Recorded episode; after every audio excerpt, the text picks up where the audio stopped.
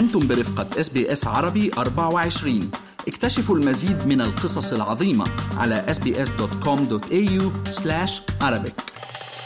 في الذكرى الرابعة لحادثة أوتلندز الأليمة التي تسبب بها سائق مخمور وراح ضحيتها ثلاثة أطفال من عائلة عبد الله وطفلة من عائلة صقر. قامت العائلتان بافتتاح حديقة في مكان الحادث بعد تمسكها بمطلب إنشاء هذه الحديقة الذي لم يلقى قبولا في بادئ الأمر من البلدية ونادي الجولف المحاذي لها إلا أنه تم التوصل إلى حل بين جميع جميع الأطراف. وبالفعل تم يوم السبت الواقع في الثالث من شباط فبراير افتتاح هذه الحديقة التي ليست مكانا لتذكر الأطفال الأربعة فحسب بل حديقة عنوانها المسامحة والتأمل حيث اتخذت بعدا إنسانيا خاصا لا سيما بعد أن سامحت العائلة المتسببة بهذه الحادثة على الملأ فيما أصبح يعرف أيضا ب I Forgive Day. من أجواء حفل افتتاح الحديقة في بيتنغتون رود في أوتلاندز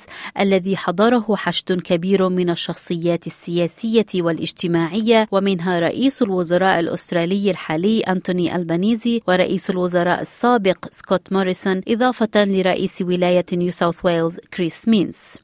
وقد ألقيت كلمات مؤثرة تؤكد على مفهوم المسامحة وتشيد بهذا الفعل العظيم الذي قامت به العائلتين وكان أول من بارك المكان بصلواته وكلماته راعي الأبرشية المارونية المطران أنطوان شربل تراباي الذي قال في كلمته أن الفاجعة لم تؤثر على العائلتين فقط بل على كل العائلات الأسترالية وأن تجمعهم ليس لمباركة المكان وتذكر الأطفال الأربعة فحسب بل هو مصدر أمل يقود الجميع لقوة الإيمان والحب والمسامحة. What happened in this place changed the lives of many families forever, and it changed ours.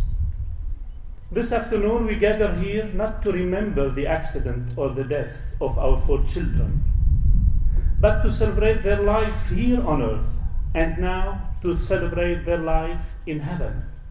Our gathering here this afternoon is not only to bless this memorial garden and this monument of our four little saints, but it is also a source of hope and consolation, leading all of us to the transformative power of faith, love, and forgiveness. أما رئيس الوزراء الحالي أنتوني ألبانيزي فوصف أفراد العائلتين بأنهم أستراليون مميزون استطاعوا أن ينتشلوا الأستراليين جميعا معهم خلال نهوضهم من قاع الألم والحزن مؤكدا أننا نرى أفضل الأستراليين في الأوقات العصيبة وهذا ما تمثله العائلتين بمواجهتها لأصعب كابوس يمكن أن يعيشه أي إنسان. They are remarkable Australians who have not only risen from the deepest grief, they've lifted us all higher in that process. I've always said that at the very worst of times, uh, we see the best of the Australian character. And in uh, Danny and Layla and Bridget and Craig and others who are here, we certainly see that. The worst nightmare for any parent is to lose their child, let alone to emerge with such grace and compassion. Yet that is what these remarkable Australians have done. Their profound act of forgiveness is profound, as an extraordinary example of going beyond what anyone could have reasonably have expected. And by setting up the I Forgive Foundation to help others who are suffering, it is safe to say that they have literally saved lives and they have brought من جهته تذكر رئيس الوزراء السابق سكوت موريسون في كلمته التي ألقاها كيف عاش أهالي الأطفال الأربعة تلك الحادثة وكيف تحول هذا المكان من مكان موت وحزن ومأساة إلى حديقة مسامحة وإيمان وتأمل وشكر العائلتين على قوة إيمانهم التي استطاعوا من خلالها إزاحة جبل الحزن والدموع والمأساة. as we sit here and how it transformed from a place of chaos and devastation and tragedy. Bridget told me how when she came that night she couldn't come through. Could you imagine the pain of not being able to get to your door? Danny told me how he watched them place sheets over their children. Yeah, under this tree. And then here we are on a beautiful afternoon such as this, where this isn't just a memorial to four beautiful angels, young lives lost. It's a memorial to so much more. The one thing I really want to thank the Abdallah and Sakr families for is their faith. Jesus said, if you have the faith the size of a mustard seed, you can move a mountain. The mountain that was moved at this place, the mountain of grief, the mountain of tragedy, the mountain of tears, the mountain of doubt and questions and anxiety, and the mountain of fear. Through their faith, they found the way to find forgiveness and cast that mountain into the sea. And in its place comes joy. كما كان هناك كلمة للسيد داني عبد الله والد الأطفال الأربعة الذي أكد أن الله هو من أعطاهم نعمة وهدية المسامحة ليتخطوا تلك الفاجعة الأليمة التي ألمت بهم وأن الحديقة التي تم افتتاحها هي مكان لأي شخص يعاني أو يتألم ليأتي ويتذكر أنه قادر على تحويل ألمه إلى هدف كما فعلت العائلتان. I remember coming here the day after the tragedy. And days ahead every morning at sunrise. I was a broken man in tears, asking God, why? Why me? Why would you do this to me? And then a family member came to me and said, Daniel, stop asking why and start asking how. How can you give me the strength to guide my family? How can you help me move forward? It was only through God's grace and mercy He taught us the gift of forgiveness. Yes, it is a gift. You give yourself and your family. This is a place of hope.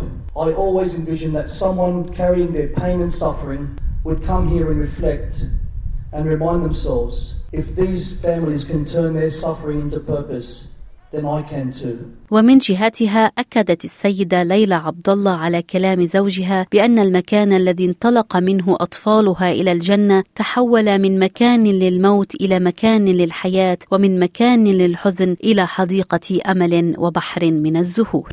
When God called the kids to heaven, He called them from Beddington Road. This was the gateway to heaven, and it was from this place that, with God's grace, the message of forgiveness spread. God transformed this place from a place of death to a place of life, from a place of grief to a memorial garden of hope. It turned from a crushed scene to a sea of flowers. It warms my heart when I see people driving past, making the sound of the cross or saying a prayer when they look at the pictures of these innocent kids. My hope is that you keep driving past, keep making the sound of the cross, and remember the kids. But I also want you to remember what God can do to transform your life when you pray to Him, when you trust in Him and surrender to Him. He turns your pain and agony, your darkness, your sadness, your brokenness into a holiness, strength, hope, forgiveness, and you turn it to His greater good. أما السيدة بريجيت صقر والدة الطفلة فيرونيك صقر التي قضت في الحادث أيضا فقالت في كلمتها أنه كان من الصعب عليها أن تصف هذا اليوم باليوم السعيد حيث أن الحادثه تركت جرحا لا يلتئم في قلبها وقلوب أفراد عائلتها لكن هذه التجربة الأليمة عرفتهم على الكثير من الأصدقاء وجعلتهم يختبرون معنى الروح الإنسانية وقوتها التي ساعدتهم على تخطي أصعب الظروف. I was asked yesterday if this ceremony was going to be a happy occasion. I struggled to use the word happy in my response. The harrowing tragedy that took place here has scarred me and my family's hearts forever, not to mention extended family, friends, and members of the community. But raised as Christians, we know that life does not come without pain and suffering. That life is intertwined with darkness and light, but somehow at the same time, we've experienced radiant light beyond our imagination. We've met the most amazing people and had some surreal life experiences.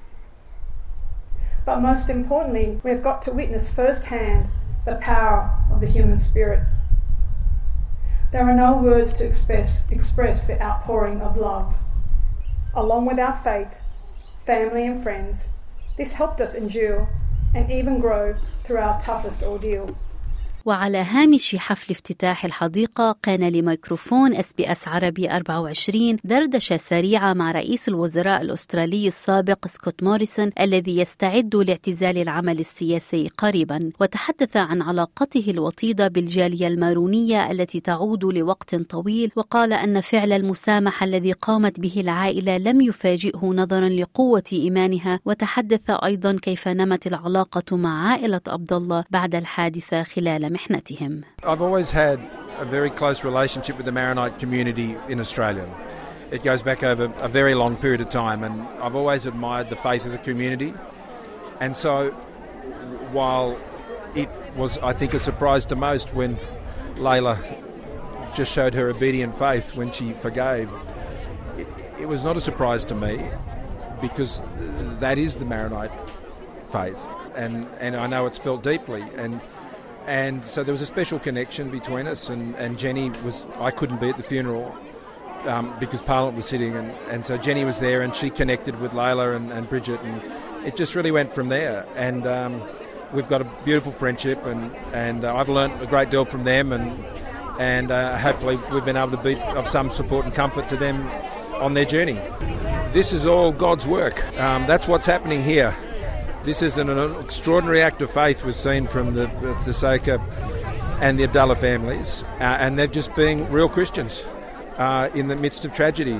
And yes, I do think Australians and Australia needs a lot more of that. أما عند سؤاله عما إذا كان هناك شيء يندم عليه في مشواره السياسي فأجاب بأنه يشعر بالامتنان للفرصة التي منحت له لخدمة أستراليا كل هذه السنوات. Oh, one of gratitude, gratitude for the opportunity to have served over such a long time, to have, you know, made so many great friends and made so many tremendous connections.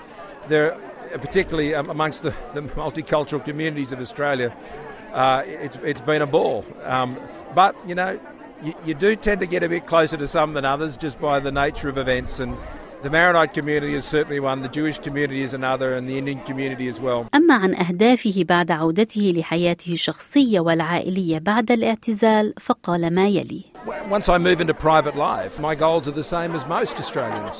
We return to a life of faith ourselves in our own church community, and raising our girls, you know, seeing them do well in the future, and supporting them and Jenny and my family has sacrificed a great deal for me to be able to serve in, in public life. And so now I have the opportunity to help them achieve what, what they want to achieve. هذا التقرير من إعداد ربا منصور لإس بي أس عربي 24 اضغطوا على اللايك أو على الشير أو اكتبوا تعليقاً تابعوا اس بي اس عربي 24 على الفيسبوك